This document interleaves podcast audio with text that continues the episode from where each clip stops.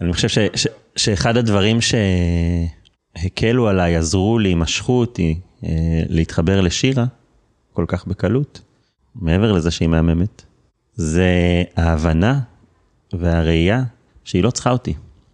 היא הייתה, אחרי גירושים עם ילדה, היא הייתה עצמאית, היא חיה בדירה עם אלומה. וזו החוויה הראשונה הכי חזקה שהייתה לי, כאילו להיכנס לשם ולראות שיש פה מישהי שהיא לא צריכה אותי, שאני יודע שהיא היא, היא רוצה שנהיה ביחד, למרות שהיא לגמרי בסדר גם בלעדיי. ויש משהו מאוד נקי כאילו לבוא מהמקום הזה, ומאוד משחרר, ומאוד אה, נוח ונעים. ואני חושב שלפחות מהמקום שאני באתי ממנו, של הלבד ושל העצמאות, היה, היה בזה משהו ש... שקצת עשה לי את זה. בחירות, מבקש להגיע בלי ליפול לבורות. אני אסף מעוז, ואתם מאזינים לזה קלאסי. לפני מספר שבועות יצאתי לטיול עם תמר זוגתי במצוקי דרגות המשקיפים על ים המלח. אחרי כמה שעות ארוכות של הליכה, תמר אמרה לי, למה שלא תזמין את שירה וירון לפודקאסט? ואני אמרתי לה, את יודעת, בדיוק חשבתי את אותו הדבר. כנראה שאוויר המדבר, הנוף המהמם והשקט היו טובים לנו לנשמה, וכנראה שגם מתקשרים באופן ישיר לזוג האורחים שלי בפרק. לפעמים, כדאי להזמין חברים לשיחה מוקלטת, כדי לשבת בנחת, אמנם מול מיקרופון, כדי לנהל שיחה נפלאה על בחירות, מערכות יחסים ומוזיקה. אם לא ניסיתם עדיין, אני ממליץ. אז רגע לפני שנתחיל, אל תשכחו לעקוב אחרי הפודקאסט בפייסבוק ובאפליקציה החביבה עליכם.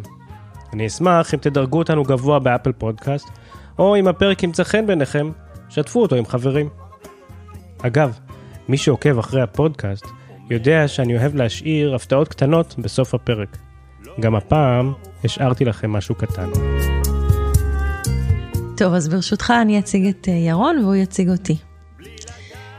ירון הוא בן 41, ראש מכינת מלח הארץ בצפון ים המלח.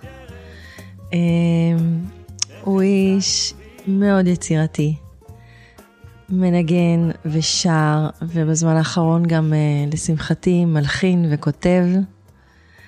אה, אבא לאלומה, תמה ומיה. ואולי פרט מעניין, כשאנחנו התחתנו אז אני הגעתי עם אלומה, ו... ויש לנו משפחה כזאת מורכבת ושמחה. שירה, בת 45, גרה בקיבוץ קליה במרחב ים המלח, עברה הרבה גלגולים של עיסוקים בחיים, ואני חושב שהיום היא נמצאת במקום של הגשמה כשהיא מטפלת ומלווה זוגות למערכות יחסים בריאות יותר וטובות יותר. אני שמח שהצגתם אחד את השנייה, ואני אתחיל מיד בשאלה, גם שכל אחד יכול לענות על השני. איך אתה רואים, איך אתם רואים אחד את השנייה במקום שהשני הכי נוצץ, הכי בוהק? התכונה הכי שמשמחת אתכם אצל האחר. טוב, זה ממש שאלה קלה. אני אספר שכשהתחלנו לגור ביחד, גרנו במושב אורה, ויום אחד שירה הגיעה הביתה עם שתי נערות שהיא מצאה כשהיא יצאה להליכה. מי שמכיר או, או יודע, יש באורה, במושב אורה מעון לנערות, אה, שקוראים לו מסילה, והם ברחו משם והתחבאו בשיחים, והיא מצאה אותם בדרך. אה, וישר הביאה אותם, והכניסה אותם הביתה, וניסתה לעזור להם, וזו הייתה סיטואציה מאוד מצחיקה, כי זה היה ברור שהיא כאילו לב ענק שמסתובב, ומנסה כל הזמן לטפל ולעזור בכל מי שהוא מוצא בדרך, אה, ונראה לי שזאת התכונה הכי בוהקת שלה, וכל פעם שהתכונה הזאת באה לידי ביטוי, זה, זאת שירה. וואי, מה שאני הכי אוהבת בירון זה את הרב אה, רב גוניות שלו. שיכול להיות בחבורת הזמר, והוא יכול להיות פתאום על הבמה עם האנסמבל, והוא יכול לבוא איתי לשבת ולספר ביחד על הזוגיות שלנו מול קבוצה של אנשים. ו... והוא כותב, ויום אחד לקחתי את הכתבים שלו והפכתי את זה למין אה, חוברת כזאת, לתת לו במתנה, וכל הזמן יוצר, וכל הזמן יש לו את הפרויקט הבא, והמחשבה הבאה, והדיסק שירי ערש. והחיים הם תמיד אה, עשירים ומלאי שאר רוח והשראה. אה, והוא תמיד יכתוב את הרעיון הבא, או יביא לי איזו הברקה שאני לא אצפה לה. אנחנו מכירים, ירון ואני, המון שנים. אפשר לומר שאנחנו בני דודים, למרות שאני לא יודע בדיוק מה ההגדרה המתמטית של זה, בני דודים מדרגה שנייה, שלישית, רביעית. ואני מספר את הסיפור הזה עבורנו, אבל גם עבור המאזינים. אנחנו מכירים מגיל מאוד מאוד צעיר, ובעצם אני תמיד הייתי עכבר העיר ואתה עכבר הכפר. המשפחה שלי גרה אז בחולון, ואתם גרתם בפריגן. ובעצם היה לנו איזשהו חילופי ילדים כאלה כל קיץ, אני הייתי מגיע אליכם למושב, עבודות uh, חקלאות ולהכיר את השטח, ואתה היית בא לעיר כדי להכיר את, uh, את חיי העיר הזוהרת של חולון. אחת החוויות הכי זכורות לי זה קטיף מנגו. Uh, כתפנו מנגו, ואבא שלך הזהיר אותי מראש, אל תקטוף את המנגו עם הידיים, כי מטפטף ממנו חלב, וזה נורא דביק ולא נעים בידיים. כמובן, הדבר הראשון שעשיתי זה כתבתי את המנגו וטפטף עליי מלא אה, חלב, וזה באמת היה לא כיף. אבל אני חושב ש... למה אני מספר את הסיפור הזה? כי יש... לא, לא כיף זה הגדרה מינימליסטית, כי אני עברתי חוויה של לקטוף מנגו ולהתעורר אחר כך עם גוף מנופח מפריחה. אוי ואבוי. Uh, כן, ומאז אני לא כותב מנגו, זה היה בערך באותו גיל. אתם גרים בקליה. זה, שוב, אנחנו פה עכבר העיר ועכבר הכפר, אה, אתם גרים במקום שהבחירה לגור בו היא לא טריוויאלית. ואני חושב שחלק מהשיחה ש... שהייתי רוצה לעשות איתכם היום זה על, על בחירות. איך אנחנו בוחרים לעשות משהו. אז אולי רגע נתחיל באיך בחרתם אחד בשנייה. בא לכם, מישהו מכם לספר על איפה נפגשתם, איך הכרתם? עבדנו באותו מקום, בשני uh, בניינים נפרדים באותו קמפוס, והיינו אה, ארבע שנים ככה אחד ליד השני, בלי לדעת אחד על קיומו של השני, עד שבאיזשהו שלב המבטים אה, הצטלבו והתחלנו ככה להסתקרן ולהתבונן, אבל לא להתקרב עדיין. ובאמת אה, אני חשבתי שהאמת שהוא לא מעוניין. חשבתי שהוא רואה אותי עם ילדה קטנה, והוא בטח יודע שאני גרושה, ולכן הוא לא מתחיל איתי. וככה עברו החודשים, ובאיזשהו רגע, איזשהו ערב שהייתי לבד במשרד, פתאום הוא הגיע לעשות איזשהו משהו טכני, ואני בחרתי לקום וללכת אליו. והלכתי הלוך חזור, הלוך חזור במסדרון, כן ללכת, לא ללכת, מה אני עושה, כן להגיד לו, לא להגיד לו, לקבל דחייה, להיפגע. בסוף אמרתי, מה כבר יכול להיות? ובחרתי לגשת ולשאול אותו, אם בא לו, לשבת איתי פעם לקפה, כי הוא מסקרן אותי, והכי פשטות אמרתי לו.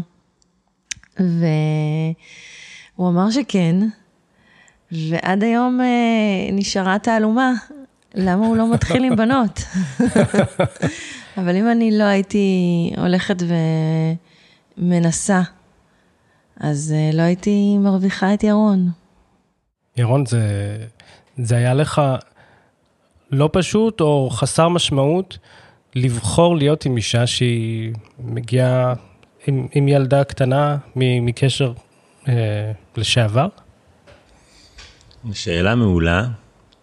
האמת שבתור ראש מכינה ומי שמדבר עם חניכים, אני מדבר המון על נושא בחירות בחיים ו... וקבלת החלטות. ובעיניי זה תהליך שמורכב משני שלבים משמעותיים. הראשון בהם הוא להצליח לזהות מה אתה רוצה ומה אתה מרגיש. והשני זה יכולת להוריד מחסומים, כי מחסומים לקבלת החלטות שמובילות אותנו לשם הם הדבר בעצם שמאלץ אותנו בדרך כלל. אה, כי אם לא היו מחסומים אז אנשים יחסית בפשטות היו מצליחים לקחת את הדרכים שבהם הם אה, רוצים לבחור, או את לכיוון החלומות שאותם הם רוצים להגשים. ואני חושב שבאותה נקודת זמן, היה לי ברור שיש משהו בשירה שמושך אותי ושמאוד הייתי רוצה לחקור ולגלות ו- ולהיות לידה.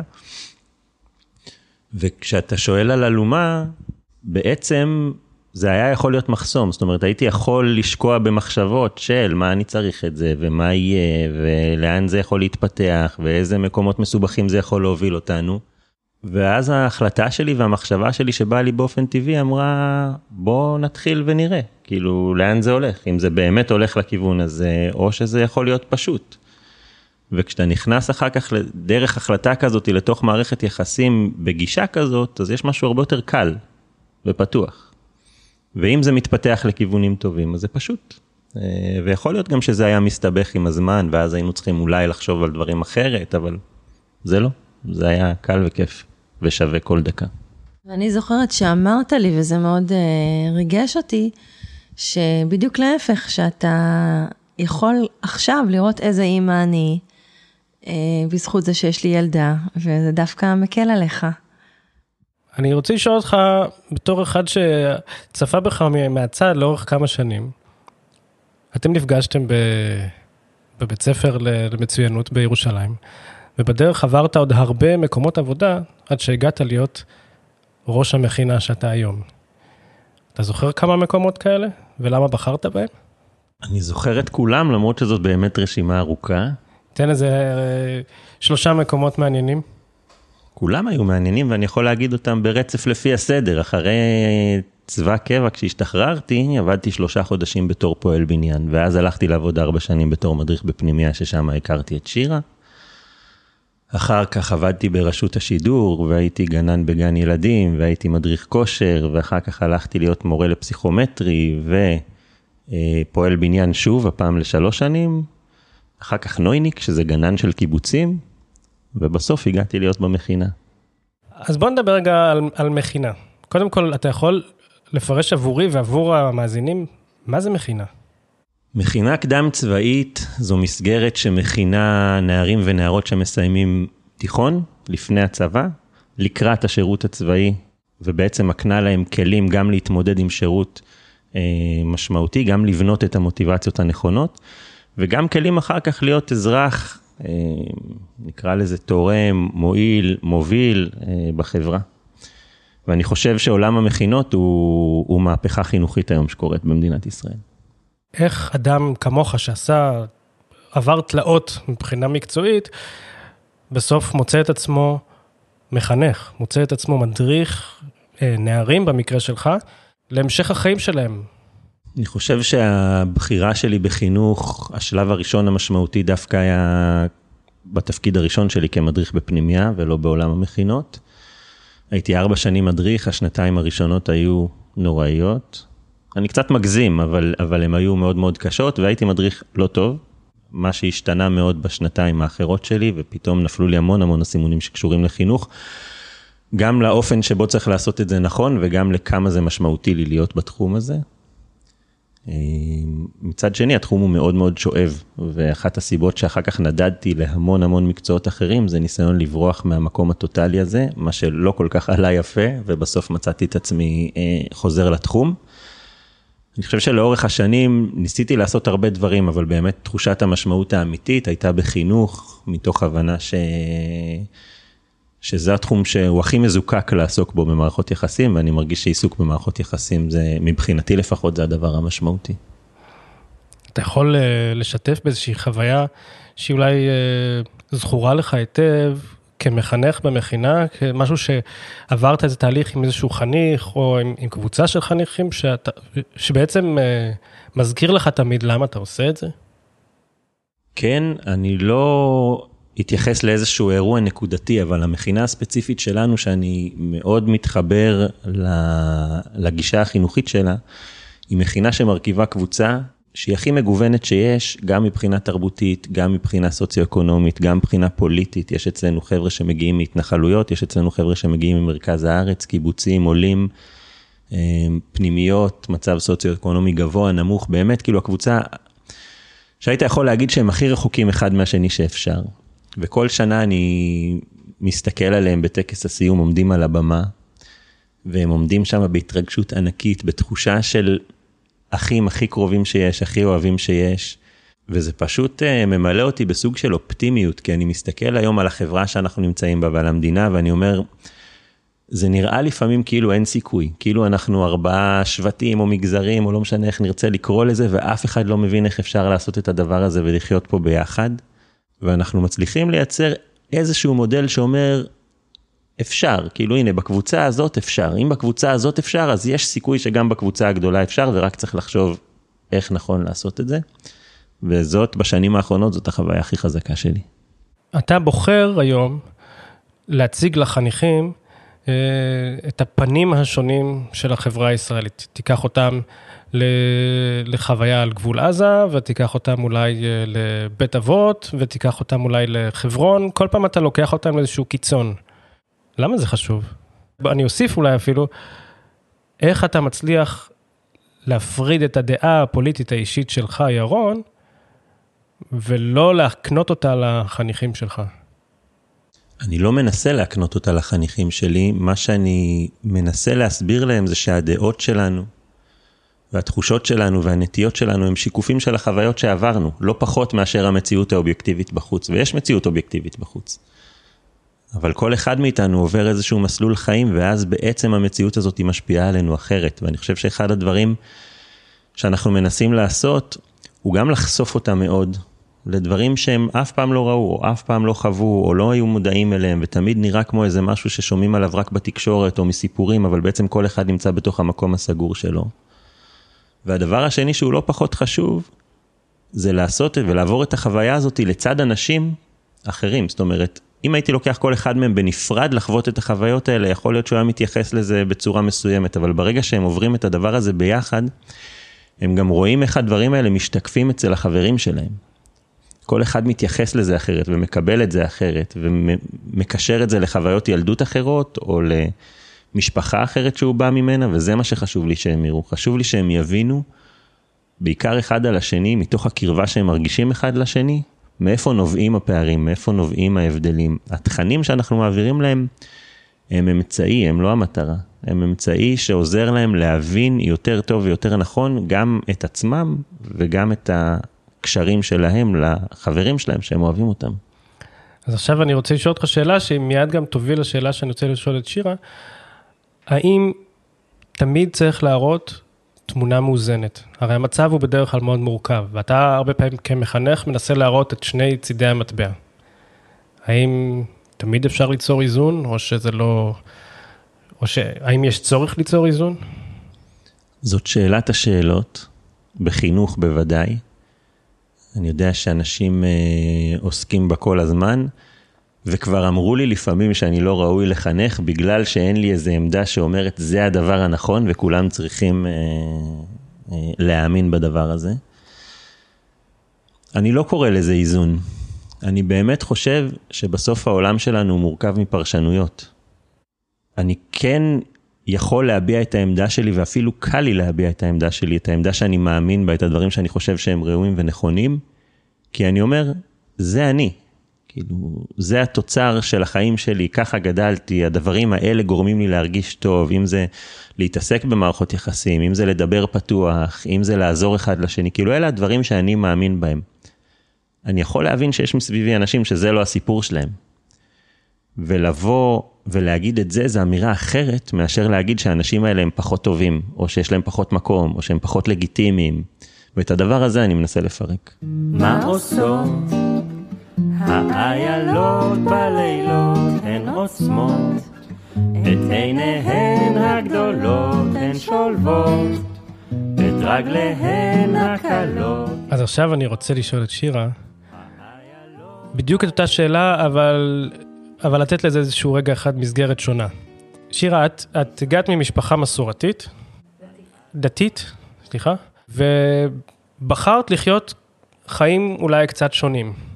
אני לא יודע איך קוראים לזה, מה ההגדרה של זה, ואולי חסרה, אין לזה משמעות להגדרה. ובחרת את הבחירה הזו מתוך איזשהו צורך. מה היה הצורך? הצורך הבסיסי הראשוני היה לצאת מתוך מסגרת שהייתה מאוד מאוד ברורה ומוחלטת, כדי למצוא בעצמי את הדרך שלי ואת התשובות שלי. יכול להיות שבסוף הסיבוב אני אגיע לאותן תובנות, אבל רציתי לעשות את זה בדרך שלי. אז אם אני מתחבר למה שירון אמר על התמונה המאוזנת, או אולי לא חייבים להראות תמונה מאוזנת, איך את כאימא לילדה צעירה עוזבת את החברה הזו הדתית ומצליחה להראות לה, בתור דוגמה אישית כאימא, תמונה מאוזנת. כי בעצם החברה הדתית יש לה איזושהי תפיסה מאוד מסוימת על החיים, ואת בחרת לעשות איזשהו צעד מסוים, ואת כמחנכת, כאימא, את צריכה להראות לה פנים שונים של החיים. איך עושים את זה? קודם כל, לקח לזה זמן להתגבש ולהבין אה, איפה אני נמצאת. היו שנים של בלבול, קצת אה, כאוס, תוהו ובוהו, ככה שאני בוחנת, מתבוננת, יוצאת לחקור, ממש יצאתי למסע, לפגוש אנשים, לראות כל מיני סוגים של משפחות, של זוגיות, של uh, קהילות. אני זוכרת שממש uh, גם התרגשתי מזה, וגם הפחיד, וגם uh, uh, באמת uh, גיליתי המון המון דברים. Uh, וידעתי שאני יוצאת למסע הזה שהוא גם יהיה, יהיה לא פשוט, אבל הוא היה לי שווה את זה. ואני חושבת שהילדים הם יחד איתנו, הם, הם מתפתחים בדרך שאי אפשר לעצור ולחכות, להגיד, רגע, אני עכשיו אבדוק פה משהו ואז, ואז להביא ילדים. זה חלק מהעניין. והדבר שהגעתי אליו, בסופו של דבר, שאני חושבת ש... שגיליתי שהוא גם נעוץ בילדות שלי, זה שאני מחזיקה את ה... בסוף את הגם וגם. במהות שלי, כל הזמן חוזרת לפרדוקס. זאת אומרת, אם אני מסתכלת אחורה, אז באמת צד אחד של המשפחה שלי היו חילונים וצד שני דתיים. ואני כזה סוג של באמצע. וצד אחד זה ספרדים וצד שני זה אשכנזים ואני סוג של באמצע. ואני חושבת שגם במקום הזה התחברתי מאוד לירון. כי ירון גדל אה, בדיונות, וכשהכרנו, אחד הדברים הראשונים שהוא אמר לי, זה שמבחינתו, מכיוון שהוא גדל בדיונות, אין לו שבילים בראש. וכשאין שבילים בראש, אה, זה יכול להביא תמיד ל... אה, כמו שאנחנו קוראים לזה חשיבה מחוץ לקופסה, אבל, אבל זו הקופסה שלו, זה לא מחוץ לקופסה, זה הוא. ותמיד זו חשיבה מקורית ואחרת, ו, ושם הכל יכול להיווצר בתוך המרחב הזה. זאת אומרת, נורא, נורא התפלאתי כשהכרנו שהוא לא מעיר לי על דברים. הכל בסדר, ואני רגילה לאמת או שקר, שחור או לבן, אה, טוב או לא טוב, ו, ומבחינתו, הכל היה בסדר, איך שאני. ופתאום מין הרגשה כזאת של אהבה אה, ללא תנאי, ללא ביקורת, ללא אה, שהוא מנסה לעצב אותי בדרכו. וזה היה לי מאוד מאוד חדש ומאוד נעים. בסוגריים אני אגיד, סוגריים חשובים, אבל אני אגיד שאני באה ממשפחה מאוד מאוד אוהבת. ומאוד, אה, הייתה לי ילדות נהדרת וטובה, אבל אה, אני חושבת שהחינוך הדתי היה מאוד מאוד סוגר, ולא אפשר המון המון דברים. וקצתי בזה. רציתי אחרת, רציתי חופש. ובאמת הנישואים השניים שלי עם ירון, אה, אפשר לומר שבבסיס שלהם עומד חופש ועצמאות. שאנחנו עובדים על זה המון, זה לא בא לנו בפשטות ורק בטבעיות כזאת, תמיד ייכנסו פנימה כל הסיבוכים והטבע האנושי שלנו, הפשוט שרוצה לנכס אה, את האיש שלי לעצמי, או שרוצה שהוא יחשוב כמוני ויתנהג כמוני, ושיעשה מה שאני חושבת, או שאני אעשה מה שהוא חושב, ואנחנו עובדים על זה עבודה יומיומית.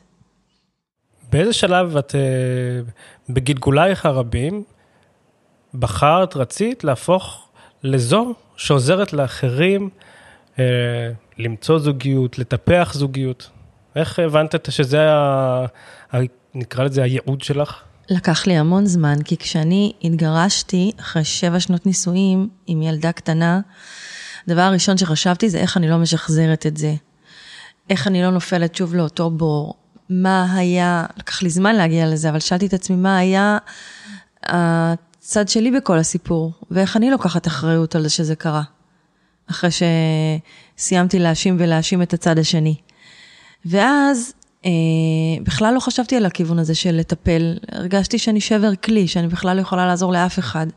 והבן אדם היחיד שכרגע אני חייבת להרים אותו ולעזור לו זה אני.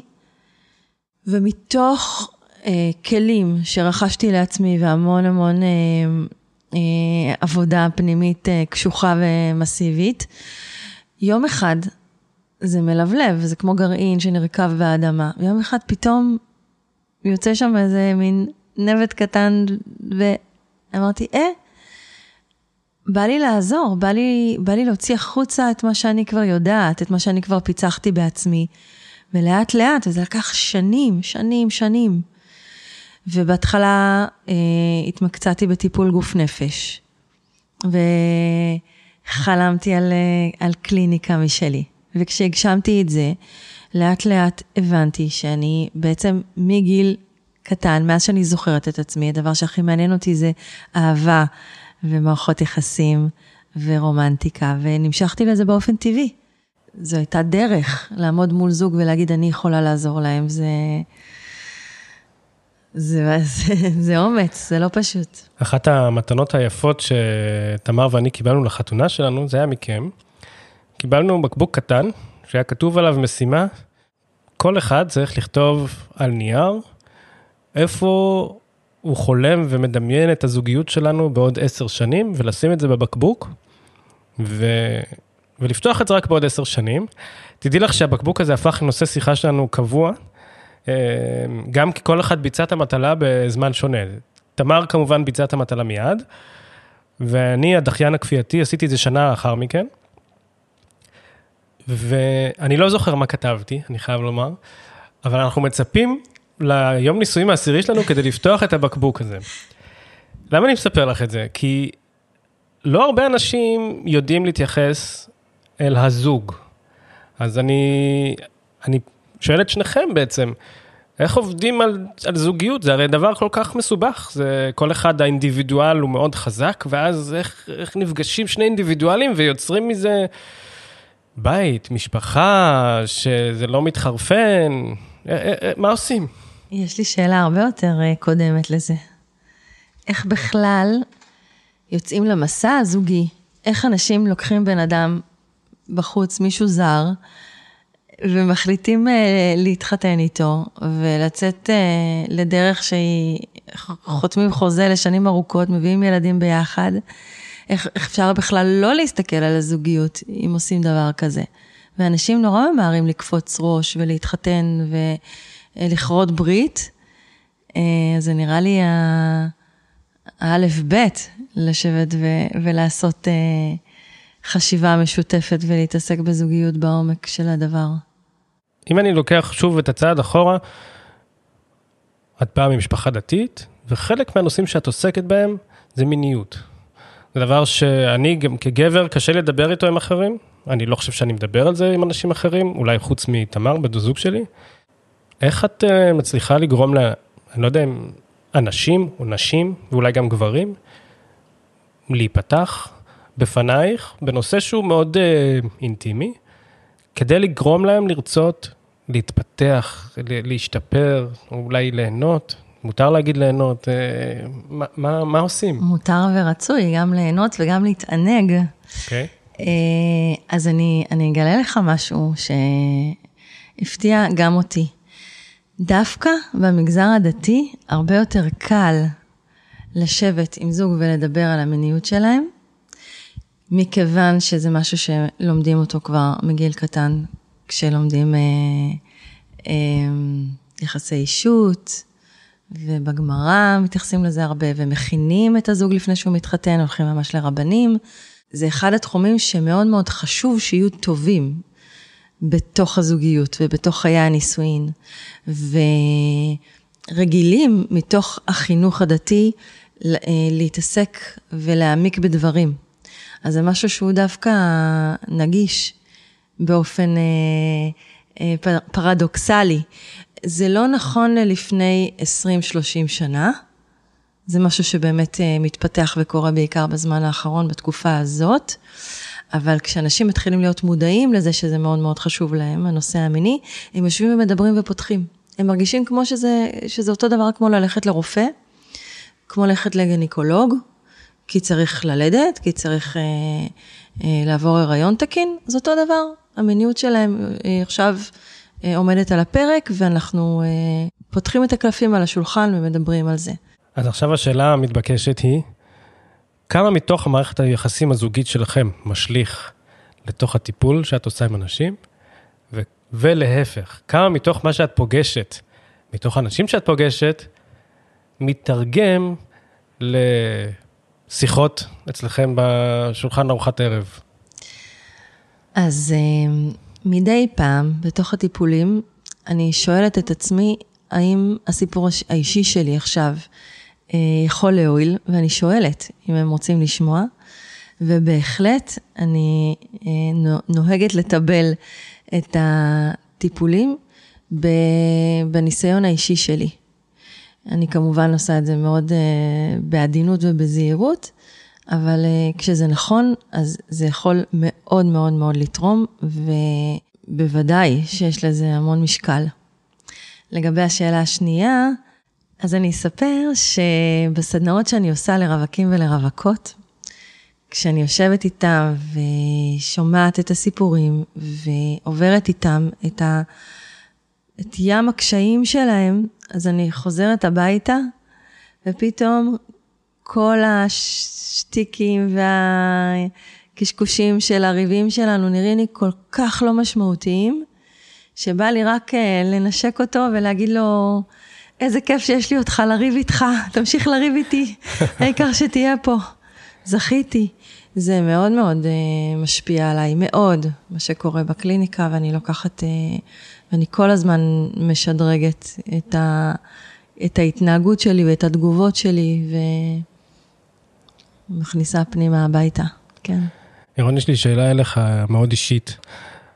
כשאני הכרתי את תמר, היא הייתה עדיין פסיכולוגית. אחד הדברים הראשונים שדיברנו עליהם, זה שאני מבקש שהיא לא תעשה לי אנליזה. קרה לך שביקשת משירה שלא תעשה לך טיפול זוגי? היה איזה שלב כזה שבו אתה חושש מה... אתה יודע, ש... סליחה שאני אומר את זה, אבל להביא את העבודה הביתה? וואי, זו שאלה טובה, אני לא חושב, אבל קורה לי הרבה שאני לא משתף פעולה עם דברים ששירה מביאה, אם היא מביאה לפעמים. אבל זה גם קצת מתחבר לשאלה הקודמת שלך, של... ש... שנוגעת בעצם בגרעין או במהות הזוגיות. כאילו, אני מרגיש שאני בא ממקום שהוא במקור מאוד לבד, זה קצת קשור גם למה שדיברנו קודם על, ה, על החניכים ועל המכינה ועל העולם שכל אחד אה, מגיע ממנו. יש בי, בפן האישי שלי, משהו שהוא, שהוא מאוד לבד.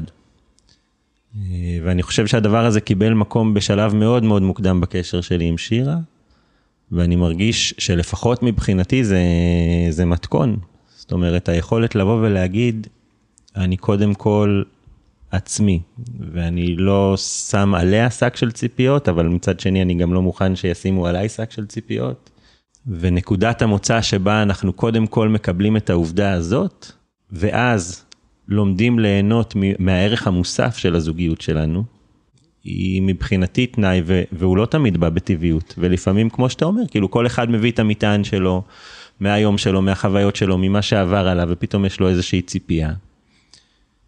ואז צריך לזכור שלפעמים זה בסדר שהבן זוג ישתף פעולה, ולפעמים הוא גם לא ישתף פעולה, ולא משנה מאיזה צד. וזה מה שעושה אותו הוא, וזה מה שעושה אותו עצמאי, וזה מה שעושה אותו הבן אדם שהתאהבת בו. אני חושב ששירה היא הבן אדם שהשפיע עליי הכי הרבה דווקא מתוך המקום שהיא אולי היחידה, שהייתה מסוגלת להכיל את, ה, את העמדה הזאת של, של לתת לי, כאילו של לשחרר את זה, של לתת לי להיות אני. ומתוך עמדה כזאת היא הרבה יותר קל להיות מושפע, בין אם אתה רוצה ובין אם אתה לא רוצה, כי זה תמיד הבחירה שלך ולא איזה ציפייה שמישהו שם עליך. שמעתי ב- בשיחה עם פסיכולוגית מאוד ידועה, את האמירה הזו שכשהקשר טוב, אז לוקחים את הדברים הטובים כמובן מאליו, ומה שצף, מה שעליו רבים ומתווכחים, זה הדברים הקטנים ה... שהופכים להיות הריבים ש... שעליהם אנחנו מתמקדים. זאת אומרת, אנחנו לוקחים, שוכחים שיש טוב ומתמקדים רק ב... סליחה על המילה, בחרא שצף. איך אה, מתמודדים עם זה? איך עוברים את זה? איך, אה, איך אנחנו יודעים לעשות מזה טוב? אני אספר לך סיפור קטן.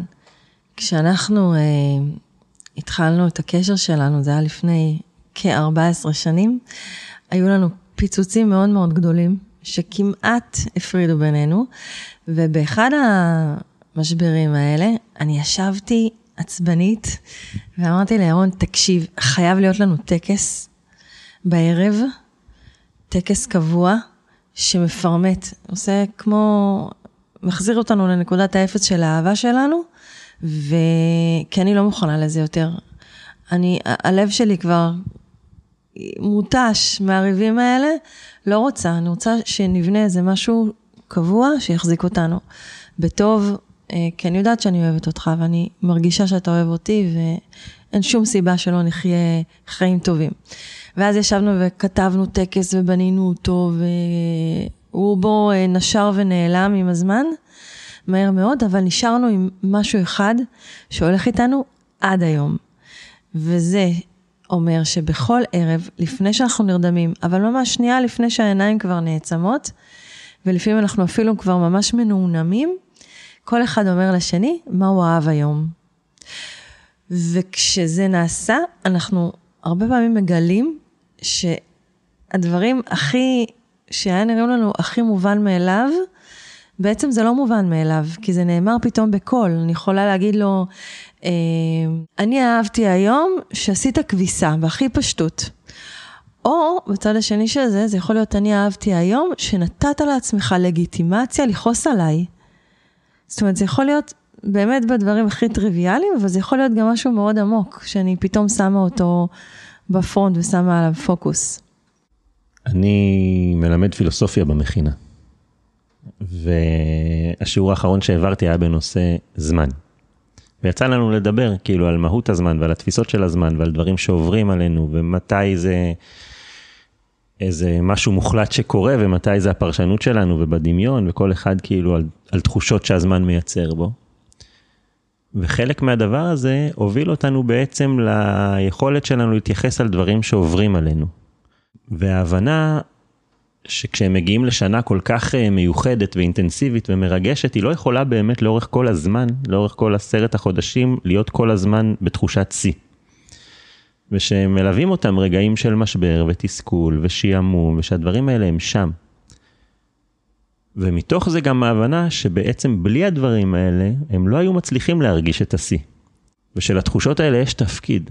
ואז מה הפתרון? כאילו, אנחנו לא רוצים לנסות להתחמק מהתחושות האלה, כי רובנו כן מנסים. רובנו הולכים או לפלאפון, לברוח מהתחושות של השעמום ושל התסכול. יש כאלה שמשתמשים בכל מיני חומרים כאלה ואחרים כדי לברוח מתחושות של שעמום ותסכול. ולפעמים החוכמה הגדולה היא לדעת שיש לתחושות האלה מקום, ושצריך רגע להיות בהם. ודווקא אם אתה תצליח להיות בהם, אתה תצליח להעריך ולהבין ולהרגיש הרבה יותר טוב והרבה יותר חזק את שאר הזמן, את כל הטוב. ואני מאוד מאמין בזה גם במערכות יחסים, כי מערכת יחסים היא לא יכולה להיות תמיד בשיא, בטח לא בזוגיות, שזה אולי מערכת היחסים הכי אינטנסיבית שבן אדם חווה בחיים שלו. אה, בין זה לבין הורות יש תחרות קשה, אבל זה, זה שם. ותמיד יהיו הרגעים שיש איזשהו קושי או יש איזשהו משבר או שמערכת היחסים יוצרת איזשהו תסכול וזה ממש בסדר ויותר מבסדר, זה ממש חשוב להצליח שנייה להיות בזה, לקבל את זה, להבין את זה, לחשוב על זה ואז מתוך זה לדעת להעריך את כל שאר הזמן שמערכת היחסים הזאת היא מאפשרת לנו ואת כל הטוב שהיא מביאה לתוכה. איך אבחר לי דרך, איך אמצא לי שביל בלי מפה, בלי מצפן, בלי מי שיוביל.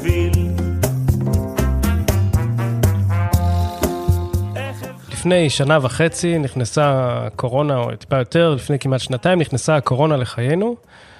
סגר א', אנחנו יושבים בבית, אתם בקליה, אני בהרצליה, אנחנו בהרצליה, ואני הייתי נורא מתוסכל. היה לי נורא קשה, כי אני רגיל לנגן המון, להופיע המון, ולא קורה כלום. אני יושב בבית ואין צפי. ואיזה יום אחד אני מתכתב איתך, ואתה אומר לי, יאללה, בוא נקליט שיר. ומפה לשם, מה שקרה זה שלאורך רוב סגר א', הקלטנו שירה, ירון, אני ותמר, שירים, בהתכתבות. לא נפגשנו. היינו שולחים אחד לשני סקיצות, ואני תוך כדי למדתי מהיוטיוב לערוך שירים על תוכנה שלא הכרתי, ובעצם סוג של, אני זוקף את זה לזכותך, הצלת לי את התקופת סגר הזו, כי אחרת היה לי מאוד מאוד קשה לרצות לאהוב מוזיקה. אצלכם בבית, בקליה, יש לכם פינת מוזיקה שעובדת תמיד, היא תמיד פעילה, יש שם כלים, אה, גיטרות, פסנתר, מיקרופונים, אני לא יודע מה. כל הזמן מתרחשת מוזיקה בבית. מה זה מוזיקה עבורכם? מה המשמעות שלה? הכי כיף בעולם זה לחזור הביתה ולשמוע כבר מבחוץ את הצלילים של הפסנתר מתנגנים, או הכחון, או הגיטרה. וירון מלמד את הבנות בקורונה בכלל, זה תפס תאוצה. והעבודה איתכם הייתה מדהימה וכיפית, וגם בסוף אה, גאולת הכותרת, נסענו כולנו ביחד להופיע ב... בבית אבות של סבתא של תמר. שמע, מאז שאני מכיר אותך, אתה מגדיר את עצמך כגיטריסט מדורות. אחת ההגדרות שאני הכי אוהב. אבל אתה כמעט נגן מקצועי, ואתה כמעט זמר מקצועי. זאת אומרת, אתה הכי חובבן מקצוען שאני מכיר. ועכשיו השאלה הקנטרנית, זה חלום שעוד לא מומש? וואו.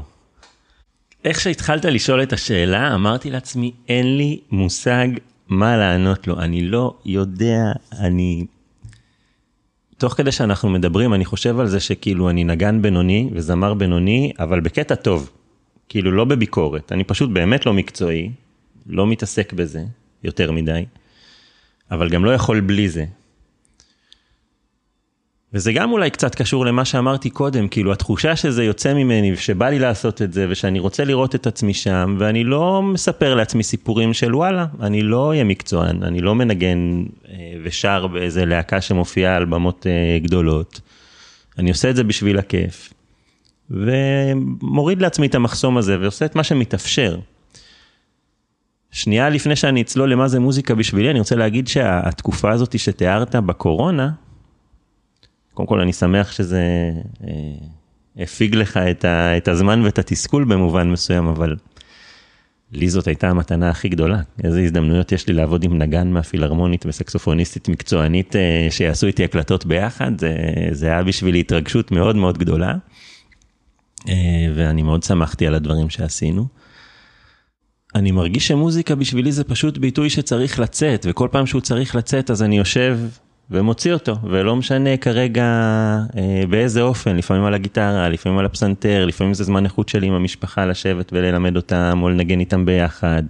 לפעמים זה קטע חברתי שאני יכול אה, לשבת ומסביבי אנשים שמקשיבים, ולפעמים זה קטע חברתי של אה, לאסוף כמה חבר'ה שינגנו ביחד. אין לי מוזיקאים בבית, אבא שלי היה מנגן גיטרה ומנגן מפוחית, מדורות. ואני חושב שזה מחלחל לאט לאט, ושאתה שומע מוזיקה וכיף לך, ואתה רואה שזה גורם לאנשים אחרים להרגיש יותר טוב, וגורם לך להרגיש יותר טוב, זה פשוט עושה לי טוב, זה הכל. אחד הדברים המקסימים שעשיתם ביחד בעולם המוזיקה, זה בחרתם להקליט שירים לבנות, ובעצם אה, יצרתם איזשהו אוסף של שירים שאתם שרים, מנגנים לבנות שלכם. מאיפה הגיע הרעיון הזה? איך עושים כזה דבר? זה התחיל מזה שירון היה יושב עם הגיטרה ואני לידו, כשהיינו מרדימים אותן בלילה, והיינו שרים להם שירי ערש. ואז ירון יום אחד אמר, בואי נקליט להם, אני רוצה לעשות את זה באופן מסודר. והיה בחורצ'יק בקליה, שהיה לו אולפן, ופשוט היינו הולכים לשם, לפעמים בנפרד, ומקליטים אה, אחד, אה, הקלטה אחת על השנייה. באמת, אה, בסופו של דבר יצא דיסק של קאברים, שמסתבר שהיה מרדים הרבה ילדים בלילה, וגם מבוגרים, אבל uh, נשאר באמת איזשהו, נשארה מזכרת לילדות לכל החיים, של אמא ואבא שרים שירי ערש. אני נוהג לסיים את הפרקים שלי בבקשה להמלצה תרבותית. ספר, שיר, מופע, בא לכם לשתף את המאזינים באיזשהו רעיון כזה?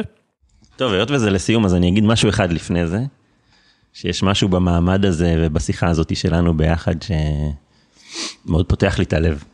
ומאוד מזכיר לי שאני מאוד אוהב אותך וכיף לי כזה להיות פה ביחד איתכם. אה, וההמלצה התרבותית שלי לא תהיה מעולם המוזיקה דווקא, מהמתבקש.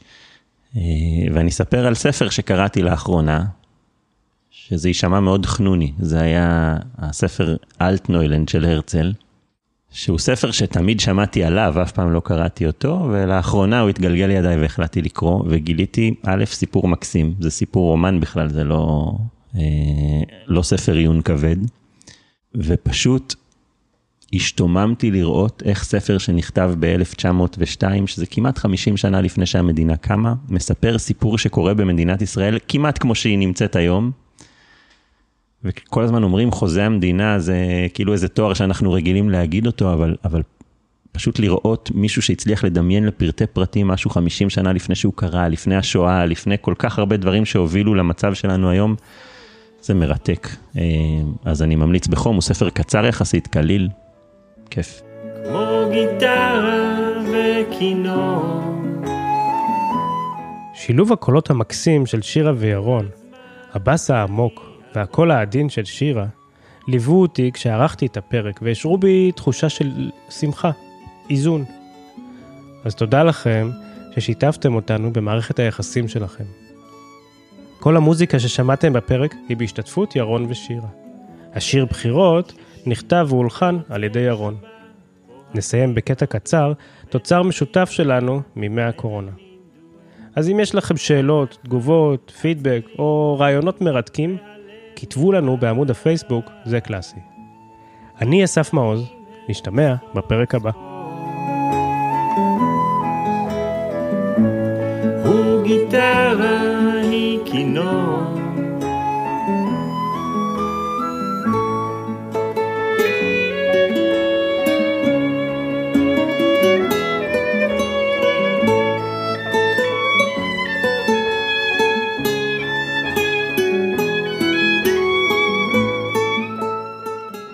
בן יחיד, ההורים שלי לא גרים ביחד, אבא שלי היה בחו"ל הרבה שנים, גדלתי בפנימייה, ואיכשהו הרגשתי שה... הנפש הרומנטית שלי מאוד חזקה. ואחרי הצבא נסעתי לטיול עם סבתא שלי, להודו, טיול שורשים. סבתא שלי מהודו, ואבא שלי נולד שם. אה, וסבתא שלי ואני ובת דודה שלי נסענו לשם לטיול שורשים לקוצ'ין. ופתאום ראיתי שפע של דברים מקסימים ומהממים שנורא היה בא לי לקנות לאהובתי, שעוד לא הייתה אז. אה, והייתה לי מזוודה, והתחלתי לאסוף. קניתי כל מיני בדים יפים, אה, וגם קצת תכשיטים ומתנות ובשמים וכל מיני כאלה, ומילאתי מזוודה. ואחד הדברים שנורא רציתי לקנות זה בד סארי לבן עם פס כסוף. שבהודו זה מסמל אבל. המון זמן חיפשתי אותו עד שמצאתי חנות אחת שכזה ממש הראתה לי משהו מאוד מאוד יפה וקניתי גם אותו. והמזוודה הזאת הייתה שמורה אצלי שנים. קניתי את המזוודה הזאת, אני חושב ארבע או חמש שנים לפני שהכרנו. ואנחנו התחתנו יחסית אה, מהר אחרי שהכרנו, שנה בערך אחרי. אבל הצעת הנישואים הייתה אה, יותר מוקדמת, ופשוט השארתי לה טבעת אה, מונחת על בד סארי לבן, שממנה היא תפרה את אה, שמלת החתונה שהייתה יפהפייה. ואחר כך כל אירוע חשוב שהיה לנו בחיים הייתי מוציא מהמזוודה הזאת איזושהי מתנה ונותן לה.